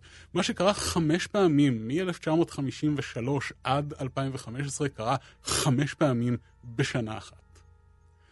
אה, עכשיו, מה זה אומר? שהניסיון הזה להתערב ולכפות רשימה נכשל. נכשל. של כי יוצרים בסוף- שקשורים לצבע או לג'נדר? כי, בס... כי בסופו של דבר, הם רוצים לחשוב, הם אוהבים לחשוב על עצמם כעל החובבים האמיתיים, הם לא. מה שהחובבים האמיתיים הוכיחו זה שהם הרבה הרבה הרבה יותר מגוונים, והם רוצים ספרות יותר מגוונת, והם רוצים ספרות שהיא לא רק אמריקאית והיא לא רק לבנה, ואתה מקבל... אני, אני מבין שכמובן היוצרים לא חייבים להיות ודאי לא גברים וודאי לא רק לבנים, אלא מכל סוג, מין ג'נדר ומוצא וכולי, אבל גם מושאי הכתיבה? גם, אומרת, מושא, גם מושאי הכתיבה. אה, אחד הדברים שמאפיינים את, את עידן הקשת בענן, כמו שהזכרתי קודם, זה, אה, זה אה, אתה מקבל סופרים כמו סיצ'ין ליו, שהוא סופר סיני, אז הוא כותב על סין. והגיבורים שלו הם סינים, ואתה מקבל סופרות כמו עלייתה בודארד, שהיא וייטנאמית במוצאה, וייטנאמית צרפתית, ופתאום יש לך מדע בדיוני ש, שהתרבות הווייטנאמית עומדת במרכזו. זאת אומרת, כי מדע בדיוני זה לא משהו שהוא מנותק מכל הקשר, נכון? זה נכון, משהו שכן אפשר ללמוד ממנו, והוא גם מטאפורה לחיים, ולמלחמה בגזענות וכולי. וגם בואו נגיד את האמת, היצירות הטובות ביותר, לפחות אני יכול להעיד כאיש טלוויזיה, אני מצטער שאני פחות מדבר כאיש ספרות, אבל היצירות ששרדו את השנים זה כאלה שהתעסקו באמת בגזענות ובאפליה, נכון, כמו נכון. מסע בין כוכבים. נכון, בדיוק, ואני אגיד לך גם עוד משהו. אמ, כל העניין ש... שיש מגוון של קבוצות, זה כשאתה כילד או כנער רואה בטלוויזיה מישהו שדומה לך, אם, אם זה, אם נגיד אה, להט"ב, או, או, או שחור, או כהה עור, או כן, כל דבר אחר, אפילו... אתה פתאום מרגיש שיש לך ייצוג בעולם. נכון, יש הרבה נכון, מאוד, נכון. יש הרבה מאוד אנשים בקהילה שאומרים שהדמויות שחיזקו את זהותם המינית, במקרה הזה הייתה איוונובה מבבילון 5, שהייתה לסבית. זה לא נאמר בסדרה, אבל זה נרמז. ווילו מבאפי, שהייתה לסבית מוצהרת, והייתה אני חושבת, הנשיקה הלסבית הראשונה בפריים טיים. שוב, במדע בדיוני, כי זה המקום שבו אתה יכול לעשות את זה. כי אנחנו רוצים לראות את עצמנו, וזה שאנחנו רואים דמות שהיא מזכירה לנו אותנו בסרט או בסדרה של מדע בדיוני, זה נותן לנו איזשהו תוקף. זה מחזק את הזהות שלנו. אנחנו לא מודרים, שלנו. ודאי. בדיוק. פש... ובגלל זה ה diversity כל כך חשוב. וואו, טוב, שכנעת אותי. אם כן, זאת אומרת, את קוראת להשליך כל יצירה שכתב גבר, אני מנסה לעורר פה חלילה, חלילה, חלילה. חלילה. להשליך. איזה שריפת הספיים. לא, לא, לא אבל יש מקום לכולם. יש מקום לכולם ויש מקום להרבה קולות ולהרבה... יש אמירה מאוד מעניינת, אם יש לי עוד דקה. אה, בקטע של... לצערי אנחנו נאלצים... לא, אה, בקטע של באמת הסופרים כמו אסימו והיינליין, הם כתבו בתקופה אחרת והם כתבו בצורה אחרת, והספרים שלהם היום כנראה לא היו מתפרסמים כי הקהל לא היה מקבל אותם. אבל יש להם ערך, ויש להם מה לומר, ויש להם רעיונות מאוד מעניינים. אז אפשר להגיד, אה, כמו שדמיאן הופמן, אחד המרצים שלנו, אמר בהרצאה ששמעתי לא מזמן, אפשר לומר, אוקיי, הם כתבו בצורה אחרת, אבל ליצירות האלה יש ערך, ואפשר להשליך אותם. אני נוטה לומר שליצירות האלה יש ערך, ואפשר לתת להם את ההנחה באמת כתבו, בתקופה שהיא שונה משלנו. ואי אפשר לשפוט אותם על זה בסופו של דבר. אבל כן יש יצירות מדע בדיוני ששרדו, שעמדו במבחן הזמן? יש. הרבה מאוד. אפילו... אה, אני, אני, אפילו אסימוב, בוא, בוא נלך אליו. כי, אתה כי הוא... גמרת עם אסימוב. אני גמרתי עם אסימוב. הסתכסכת עם משפחה? Uh, אני מאוד אוהב את אסימוב, באמת. אני גדלתי על אסימוב, זה המדע הבדיוני הראשון שקראתי, ועד היום אני קורא אותו, ו, ואני אומר, אוקיי, יש בעיות בכתיבה, אבל איזה רעיונות מדהימים, איזה מחשבה מדהימה על מה הטכנולוגיה יכולה לעשות לחברה. אה, אנחנו לפני בחירות, אוקיי? לאסימוב יש סיפור שנקרא זכות הצבעה, שבה בעזרת מדע, סטטיסטיקה ומחשבים, מחשבי על, צריך בן אדם אחד שיענה על סדרה של שאלות, והוא זה שיקבע מי יהיה נשיא ארצות מעניין. הברית. והנושאים האלה, אה, אנחנו עדיין ממשיכים להתעסק איתם. יש סדרה ש... שנה שעברה יצא הספר האחרון בה של uh, סופרת בשם מלכה אולדר, שעוסקת בדמוקרטיה שהיא דמוקרטיה מבוזרת, שבה לכל קבוצה של משהו כמו 100 אלף איש, הם בוחרים ממשלה מקומית, והממשלות המקומיות האלה הן אלה שמרכיבות את הממשלות האזוריות ואת הממשלות, את הממשלה העולמית וכולי. יש התעסקות בפרוצדורות שגם עשויות להיות רלוונטיות לנו. לגמרי, לגמרי.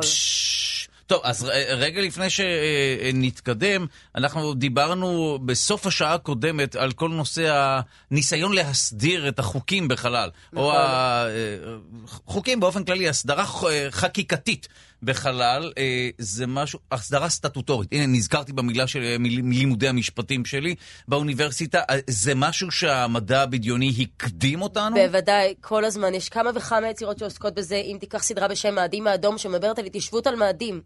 אה, על פני עשרות שנים ומה זה אומר, ומי שולט, ושל מי המשאבים. ויש סדרת טלוויזיה עכשיו בשם אקספנס? אקספנס, שמתעסקת באמת ב... ביציאה לחגורת האסטרואידים וקריאה בחלל, ביצירת האסטרואידים. ו, ומה שאתה רואה שם בעצם, זה באמת, אה, שאפשר לראות גם בנושא השמיני, שאם חשבת, אה, מסע בין כוכבים נתנו את האשליה של יציאה לחלל תהיה מסודרת, עם חללית נקייה ומצוחצחת, והכל יהיה מאוד מאוד ברור, לא, כי גם בחלל צריך את הכוח עבודה הזול, שיש לו פחות זכויות, ואפשר לנצל אותו, ו- ובמיוחד שאתה יוצא מחוץ לכדור הארץ, פתאום לא ברור מי בעצם הממשלה שאחראית על הכוח עבודה הזול הזה. שאלה מעולה. ו- ומי מביא לו את המים שהוא צריך, שאין בחלל, את החמצן שהוא צריך, שפתאום זה משאב שהוא, אה, שהוא יקר. כן, לא טריוויאלי, וכל ודאי. הנושאים האלה מתעסקים איתם בצורה הכי... מלוכלכת וגריטית שאתה יכול, ובאמת בצ... ב... ב... האנושות במרומיה באיזשהו מקום בחלל החיצון. טוב. שזה זה יצירות נפלאות. זה היה בבילון 5, היה שם פרק עם שביתה שעוסק בזכויות עובדים. שביתה והומלסים בתחנת חלל. כן.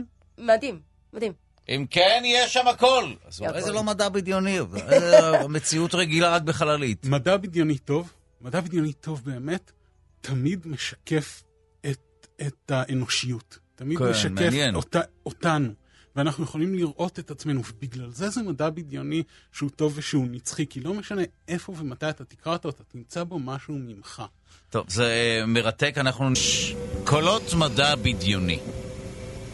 שלום לכם, אנחנו שלושה שיודעים בכאן תרבות. אנחנו רוצים לעסוק באנטיביוטיקה, ליתר דיוק בקוקטייל אנטיביוטיקה. הכותרת שלנו היא שיטה חדשה לאומדן. יעילותם של קוקטיילים אנטיביוטיים. הוצג, אנטיביוטים הוצגה על ידי חוקרים בפקולטה לביולוגיה בטכניון. הדברים הוצגו בכתב העת Nature Microbiology, והמחקר מראה שהיעילות של הקוקטייל מושפעת ממגוון התרופות שבו יותר מאשר מהמינון. זאת אומרת, יותר המגוון מאשר המינון. את המחקר ערכו פרופסור רועי קישוני מהפקולטות לביולוגיה ולמדעי המחשב, והדוקטורנט דור רוס.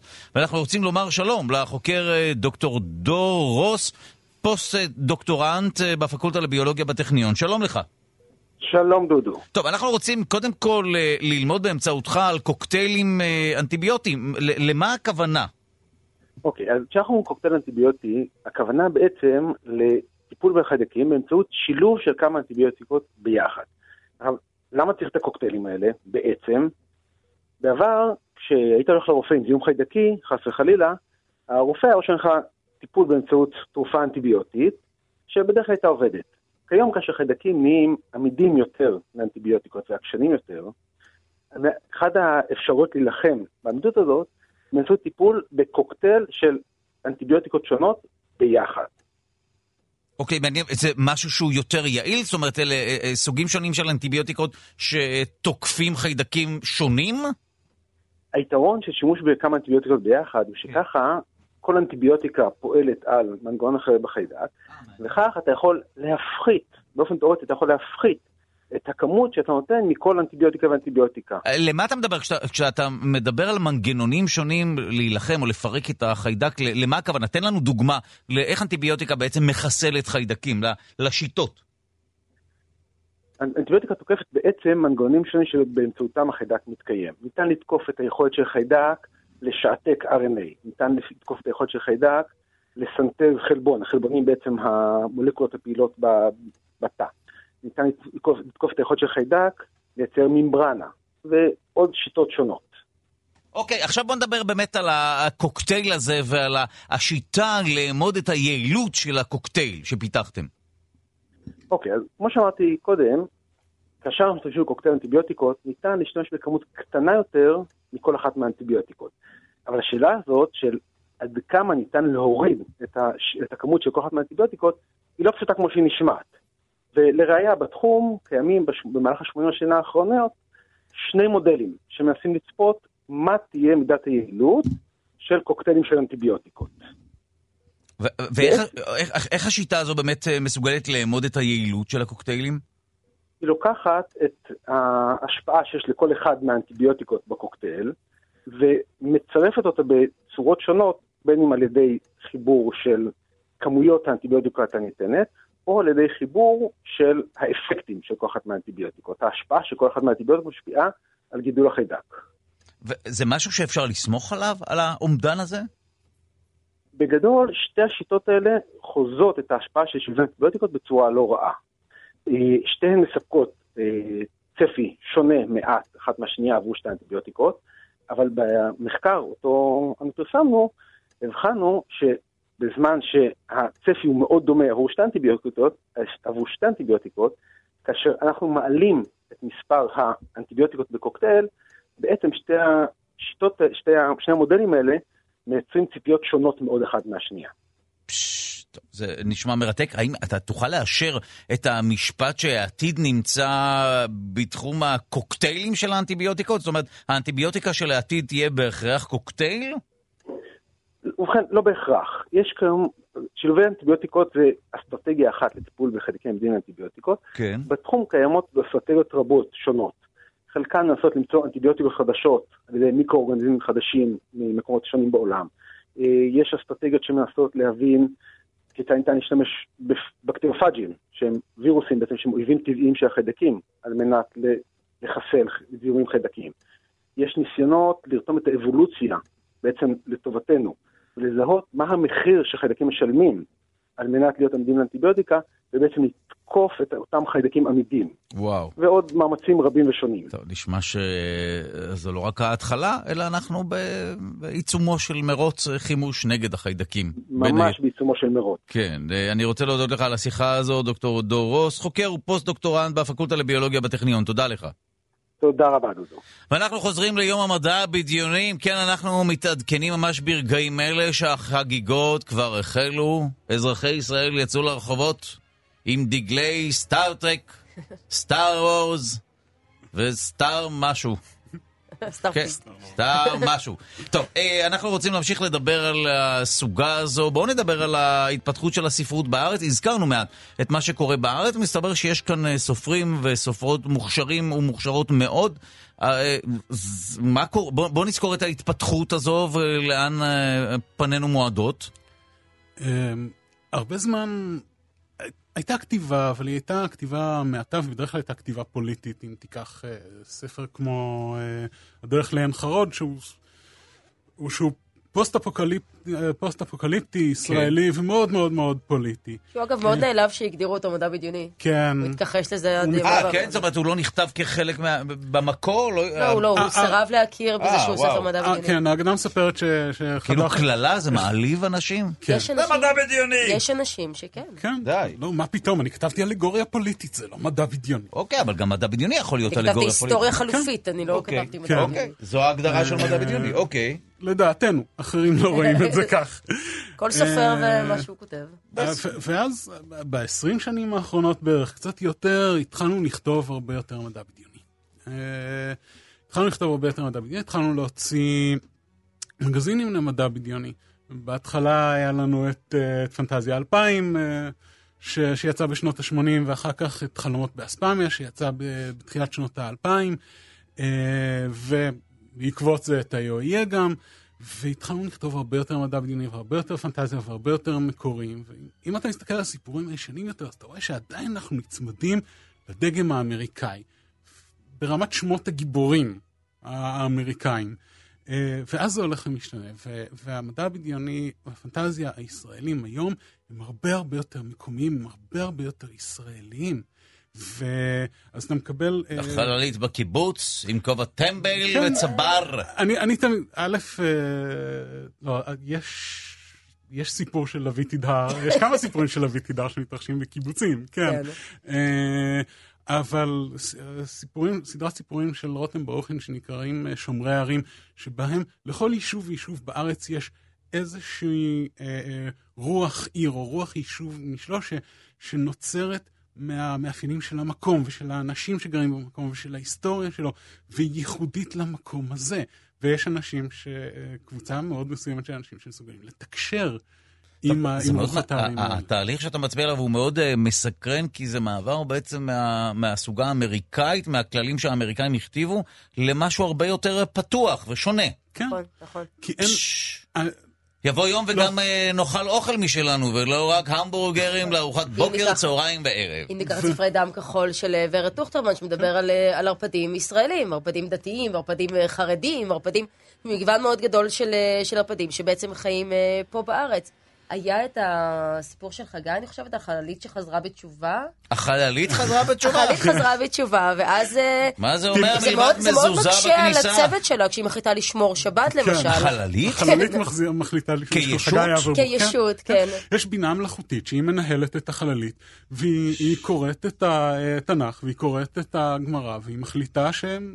למה לא? האמת שזה נשמע משעשע ומעניין. תינוקות- שנשבו נקרא, כן. של חגי אברבוך, סיפור נהדר. חללית שחוזרת בתשובה. כן, ואם תיקח את הספר לב המעגל של קרן, שהוא גם מדבר על... על, אה, דוקטור קרן לנצמן, דוקטור נכון, שכתבה ספר, כן. נכון. פנטזיה אורבנית שמתרחשת בתל אביב, שהיא מאוד מאוד מוכרת לנו. היא, היא שונה, כי, כי אנחנו עדיין בע- בעולם פנטסטי, עולם שונה, אבל היא בכל זאת מאוד מאוד מוכרת לנו. תגיד, יש לי שאלה, האם בספרי מדע בדיוני אה, ובסרטים ובסדרות, יש, אנחנו מזהים אה, סיפורים תנכיים שחלחלו פנימה? זאת אומרת, אה, ארכיטיפים סיפוריים מהתנ"ך? יש, כי למשל, כן. מסע הגיבור, מה שמאפיין בדרך כלל את הקולנוע ההוליוודי, זה משהו שהוא קצת גנוב, במרכאות או לא במרכאות, מסיפורים תנכיים. אה, יש טענה שיש רק תשעה סיפורים אה, בסיסיים נכון, לכל יצירה. טענה כללית, נכון, וכנראה שיש היא דברים כנראה כאלו, כן, נכונה, נכון. כן. אבל הדס משגב למשל כתבה סיפור שהוא פרשנות נחרדה של שיר השירים. וחגי אברבוך, אנחנו חוזרים אליו שוב, כתב סיפור שמתבסס על פרשת עגלה ערופה. זאת אומרת, יש כן רפרורים לתנ"ך. מעניין. כל הזמן. שדים ברחוב אגריפס של... אה, ברח לי. נשתול בעריכה, נמצא בוויקיפדיה ונשתול בעריכה. שמבוסס מאוד עמוק במיתולוגיות יהודיות, וגם די, לא רק יהודיות. גם מיתולוגיות ערביות, גם מיתולוגיות, מכל האזור הזה. אה, הלוויתן מבבל, חייבים להזכיר, בתור ספרות נוער, ששוב, מתבססת על, אה, על מיתולוגיה מקומית. שלום לכם, ועתה אנחנו עוברים על הפינה שלושה שאוכלים. והיום אנחנו יודעים על השאלה של נדין בני. מבת ים, האם חזון המדע הבדיוני יתממש, ובקרוב נוכל לאכול ארוחה שלמה בקפסולה במקום לבזבז זמן יקר. זה אני מוסיף באכילה בזמן, כאילו, זה הז- עיקר הזמן המבוזבז. שלום אה, לפרופסור נמרוד לוז, חוקר היבטים חברתיים, תרבותיים והיסטוריים של האוכל מהחוג ללימודי ארץ ישראל והחוג למדעי ההתנהגות והמכללה האקדמית כנרת. שלום לך. שלום דודו. ארוחה שלמה בקפסולה. אני מנסה להבין מה היתרונות של זה, מלבד אנשים ש... אני מבין שיש אנשים ש... שלא מסוגלים לעכל מזון, או שיש להם בעיה בריאותית, אז עדיף שהם יצרכו קלוריות בצורה מרוכזת. אבל האם מי שיכול לאכול בצורה רגילה או לעיסה, אז הוא יבחר בקפסולה? זהו, אני כל כך מתחבר להסתייגות שלך מעצם השאלה הזאת. אה, בכלל, אוכל ומדע בדיוני זה חיבור שאצלי לפחות מייצר אה, המון דכדוך. כי מדובר באמת באחת הסוגות הספרותיות הכי יצירתיות שיש, וכל מה שקשור לאוכל, אה, התזונה היא על פי רוב, כל התכלית שלה זה לספק את המרכיבים הקלוריים שלנו. פש, מעניין. אני, אני כן, אני מקווה שאני לא אקומם עליי את החובבים של הז'אנר, אבל אין, אין ברוב, במרבית האוכל שקשור למדע בדיוני את המרכיב של הנאה. כלומר, סיפוק הצרכים וזהו. למשל, באחת הסצנות הכי חזקות בסרטי מקס הזועם בדרכים, רואים את המצלמה מתקרבת לגיבור, הוא דורך על איזה לטאה עם המגף העבה שלו, ואז הוא מוריד אותה מהמגף ואוכל אותה. ואז רואים את הזנב של הלטאה עוד ככה מתנד... יוצא מהפה שלו, ואנחנו מתחילים טירוף אנרגטי של איזה שעתיים של מרוצי מכוניות ודברים כאלה, וכל התפקיד של האוכל היה רק לספק איזה צורך. בסרט אחר הוא אוכל בכלל מזון שכלבים אכלו אותו קודם, וזה בדיוק, המזון הזה משקף איזה אווירת מחאים, איזה אפוקליפטיות של אה, סוף מעניין. העולם. אין מסעדות מפונפנות במדע הבדיוני? מעניין. יש כמה, אבל בדרך כלל האוכל במדע הבדיוני הוא משמש ליצירת איזה נורמליות, איזה דרך שלנו להתחבר לפעולות שאנחנו בכלל מכירים, אה, כי רוב הפעולות שהם עושים אנחנו לא מכירים בעולם שלנו, ועדיין זה אוכל שונה לגמרי. הוא בדרך כלל לא מעורר הנאה. הייצוג של האוכל במדע הבדיוני, אני חושב, מאפשר לנו להבין טוב יותר את העולמות החדשים שבונים עבורנו האנשים האלה, ואולי קצת להתחבר לבלתי מחובר הזה. אבל מעניין. בהמשך למה שאתה הערת, דווקא אביו המכונן של הז'אנר, ז'ול ורן, בספר שלו מהארץ לירח, כן מתאר ארוחה מפוארת, והוא משתמש שם בדמיון באמת מרחיק לכת, וכמובן שמי שמייצר שם את הארוחה הוא הצרפתי, שהוכרז כטבח הראשי, והוא מגיע לדברים מאוד מאוד אה, אה, גסטרונומיים מתוחכמים, אבל הוא לא, לא מתאפק ואומר לנו שהירקות המשומרים שהם אוכלים הם טריים יותר אפילו מהטבע, זאת אומרת, זה סוג הפלא. אבל אם אצל ז'ול ורן, האוכל במדע הבדיוני עדיין יש בו איזה מרכיב של הנאה שאתה כיוונת אליה, אצל אסימוב, שהוא ללא ספק אחד המשפיעים, מרכיב האוכל רודד להכרח בלבד. בספר שנקרא מערות הפלדה, כל האוכל שאנחנו אוכלים זה אופנים שונים של ייצור שמרים. יש שם מקצוע חדש, הוא קורא לו זימולוגיסט, וזה האיש שמסייע למיליארדים להישאר בחיים. המומחה לתרבות השמרים, ככה הזימולוגיסט מגדיר את עצמו, והוא למשל אומר שכאשר בניו יורק הופיעו תותים מחוץ לעונה, זה בכלל לא היה תותים, זה היה איזה שמרים עתירי סוכר עם צבע מאכל. אה, בספר אחר בשם איים ברשת, שזכה בהמון פרסים, העלילה ממוקמת בטקסס של 2030, הגיבורים אוכלים סקופ. מה זה סקופ? זה ראשי תיבות של תא אחד של פרוטאין. Uh, הגיבור, שדווקא במקורו הוא איזה שף, מתרגל לזוועה הזאת. הוא אומר, הטעם, הטעם משתפר.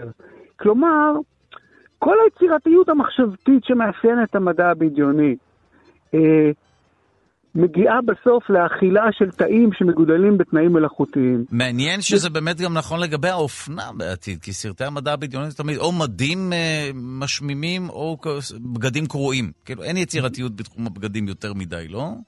כן, זה מין אופק נורא מדכדך. כן, אפוקליפטי, נכון, אתה צודק. דיסטופי, אפוקליפטי, מסתכל, כן. כן, אתה מסתכל על בלייד ראנר למשל.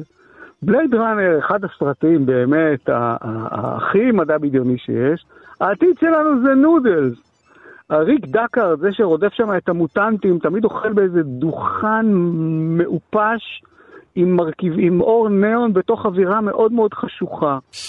כלומר, כל דבר אפשר לייצר אם נצליח לפענח את המבנה המולקולרי שלו ולייצר את הסינתזה הזאת. אני רוצה להבין, האם בעתיד אה, של המדע הבדיוני אין סבתות שמכינות בישולים עדתיים? איזה קציצה טובה? אותה סבתא מהפעם הקודמת. אבל למשל במדריך הטרמפיסט לגלקסיה, יש משהו שמתקרב למה שאתה מבקש, יש איזה מרכיב של יצירתיות של אוכל, אבל עדיין רוב הזמן זה סיפוק צרכים. הדבר הכי יצירתי שמצאתי זה המשקה ששותה אותו מנהיג שנקרא הפיצוץ הגרוני הפן גלקטי. אה, שנחשב המשקה הטוב ביקום, אבל ההשפעות שלו זה מעיכת השכל שלך. בתכלס, בסוף היום הכל נראה מין תה אחד גדול, מזון שעשיר בפרוטאין, וכמו שאנחנו רואים במטריקס, אה, מין עיסה נוזלית שמתאימה נכון, לכל וואו. מטרה, חוץ מליהנות. אז בעתיד לא נהנה ממזון, או לפחות לא במדע הבדיוני. זהו, אני... האם המזון יכול ללמד אותנו משהו על העתיד הקולינרי שלנו? אה, חלק גדול מסרטי המדע הבדיוני מדברים על קניבליזם ממוסד. אה, בגלל שאין אוכל מספיק. וואו. זה עולם מאוכלס יתר על המידה, מזוהם, שמתקשה להתמודד עם הצרכים שלנו שהולכים וגדלים.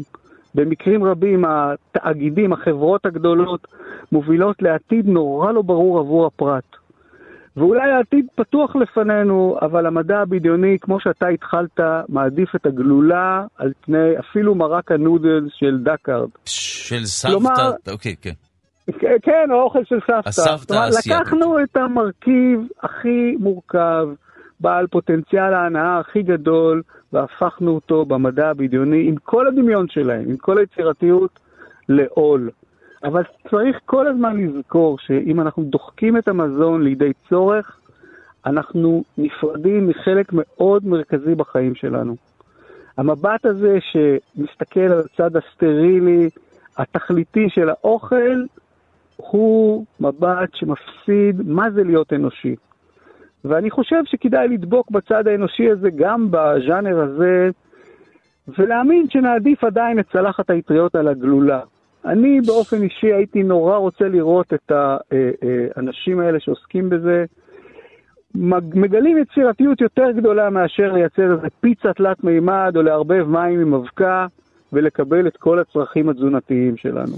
טוב, אני מודה לך אה, על השיחה הזו, אנחנו uh, צריכים uh, לסיים. תודה לך, פרופסור נמרוד לוז, חוקר היבטים חברתיים, תרבותיים והיסטוריים של אוכל מהחוג ללימודי ארץ ישראל, החוג למדעי ההתנהגות והמכללה האקדמית uh, כנרת. תודה לך.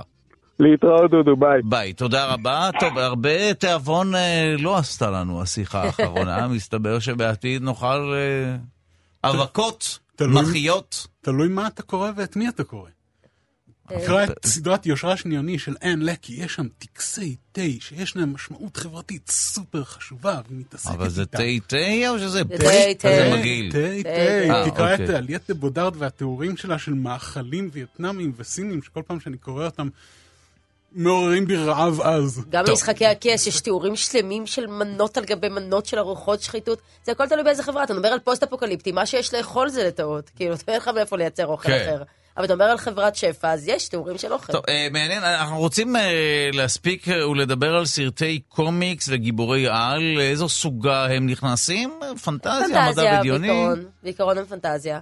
אמ, אבל מה שבאמת רצינו לומר על, על סרטי הקומיקס ועל הספרים שעומדים מאחוריהם, שיש שם הרבה מאוד ביקורת חברתית על הרבה מאוד נושאים, ועיקרה היא גזענות. כי אם אתה מסתכל על הסרט Civil War ש... של האבנג'רס שיצא לאחרונה, יש את כל נושא המוטנטים, שהם בעצם גזע אחר. וההתייחסות אליהם היא, היא כשל גזע אחר. האם צריך לסמן אותם? האם צריך לכלוא אותם? איך צריך להתייחס אליהם? הרתיעה מהשונה, החוסר רצון להבין את השונה ורק לשלוט בו, זה משהו שהוא אה, תמה מאוד מרכזית ברוב ספרי הקומיקס, גם האקס-מן, ה... גם האבנג'רס, גם כל שאר הדברים.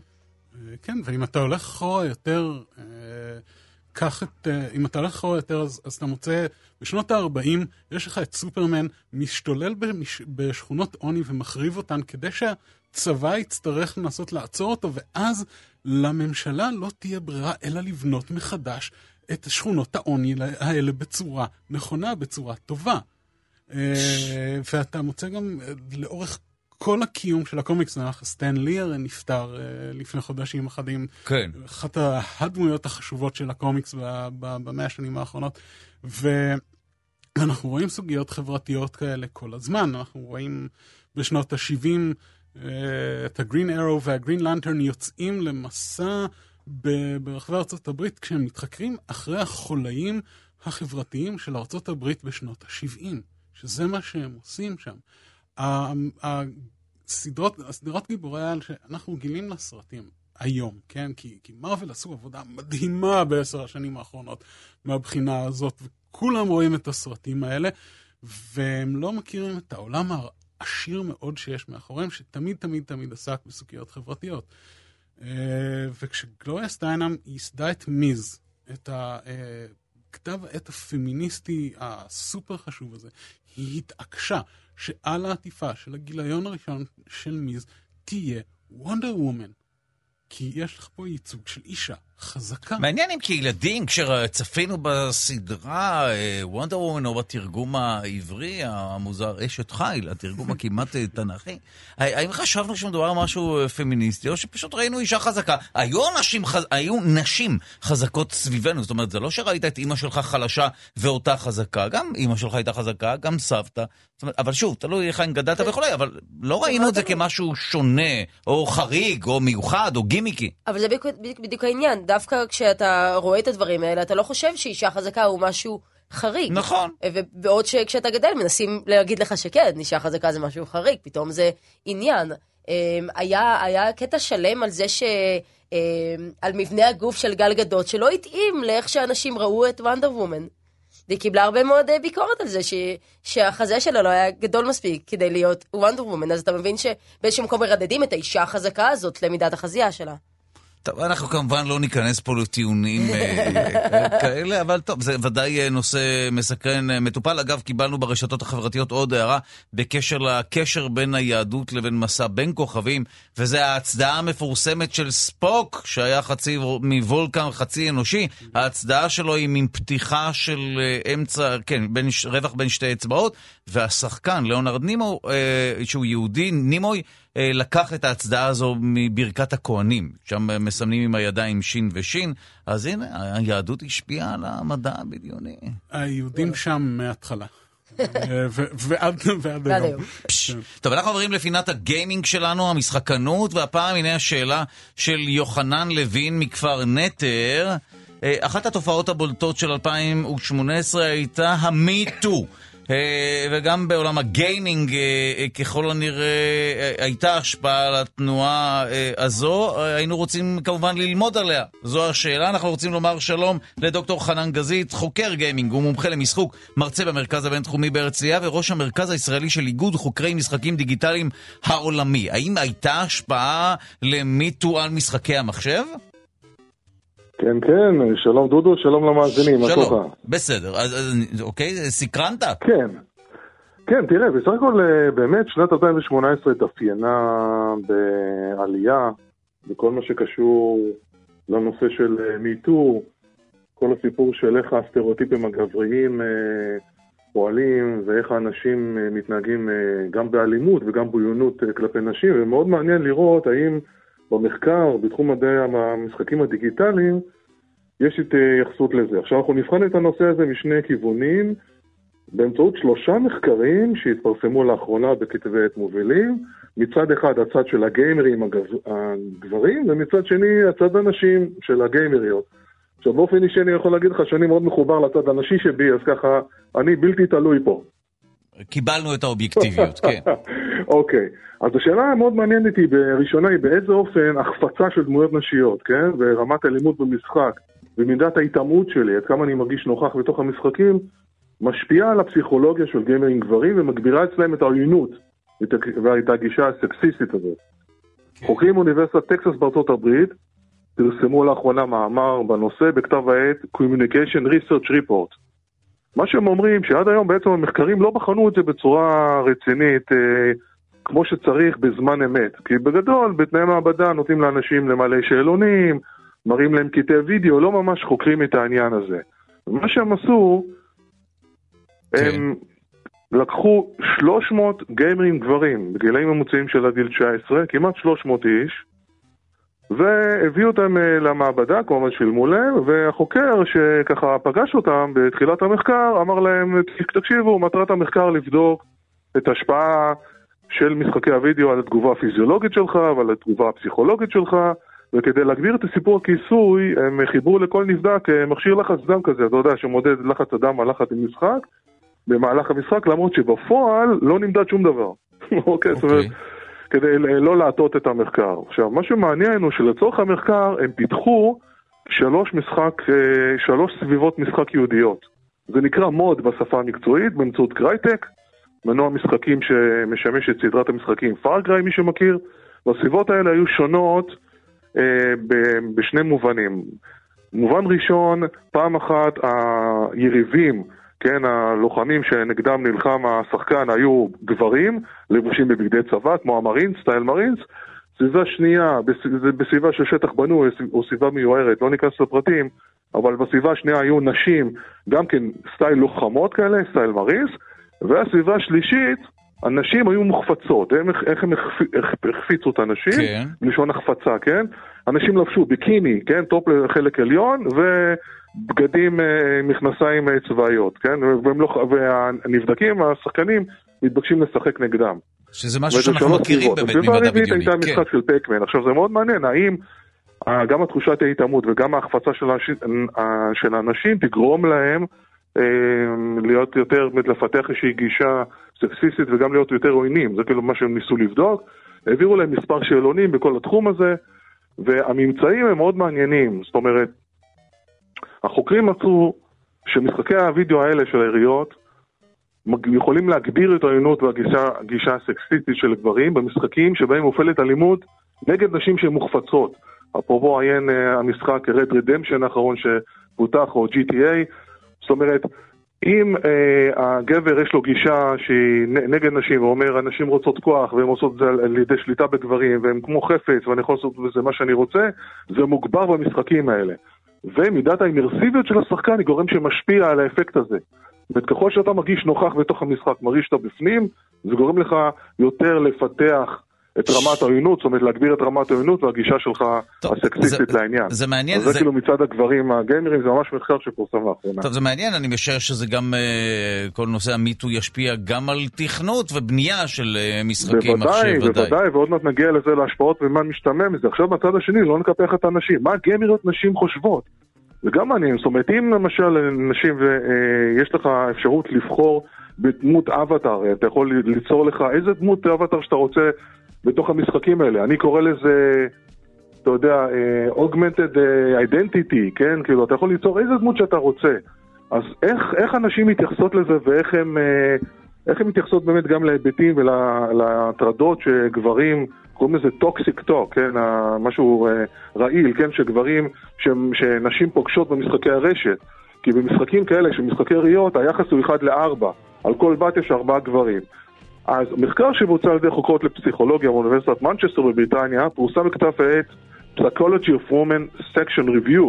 הוא הקדיש גיליון שלם לאחרונה לנושא מגדר בגיימינג, כן? Gender in Gaming.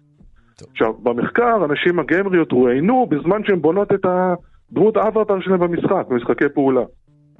מה שנמצא זה מאוד מעניין. קודם כל, הם הביעו תסכול מכך שהן צריכות להעמיד פנים שהן בחורים. זאת אומרת, הן לא רוצות אה, להיות מוטרדות על ידי גברים, אז הדמות מראש שהן יוצרות אה, היא פחות וואו. נשית. טוב, אנחנו נסתפק בדברים האלה. תודה רבה לדוקטור חנן גזית, חוקר גיימינג, מומחה למשחוק ומרצה במרכז הבינתחומי בהרצליה, וראש המרכז הישראלי של איגוד חוקרי אה, משחקים דיגיטליים העולמי. לך. תודה רבה לך. תודה למי שהיו כאן שעתיים מרתקות, אהוד מימון, מרצה וכותב על מדע בדיוני ועורך את אסופת הסיפורים היו יהיה, וליאת שחר קשטן, יושבת ראש האגודה הישראלית למדע בדיוני פנטזיה, תודה שהייתם איתנו, זה היה מרתק. תודה שהזמנת. ותודה רבה לכל מי שעמל על המשדר הזה, העורך שלנו רז חסון, המפיקה אליטל אמירן, על הביצוע הטכני די.ג'יי אלון מקלר, תודה רבה ליגאל שפירא שמלווה אותנו, אתם מוזמנים להאזין לנו באמצעות היישום החינמי מכאן עוד או כאן אודי, שיהיה לכם יום נעים ושקט, ואנחנו נהיה פה מחר עם תוכנית סיכום שבוע. אז אה, להתראות עד מחר. Oh!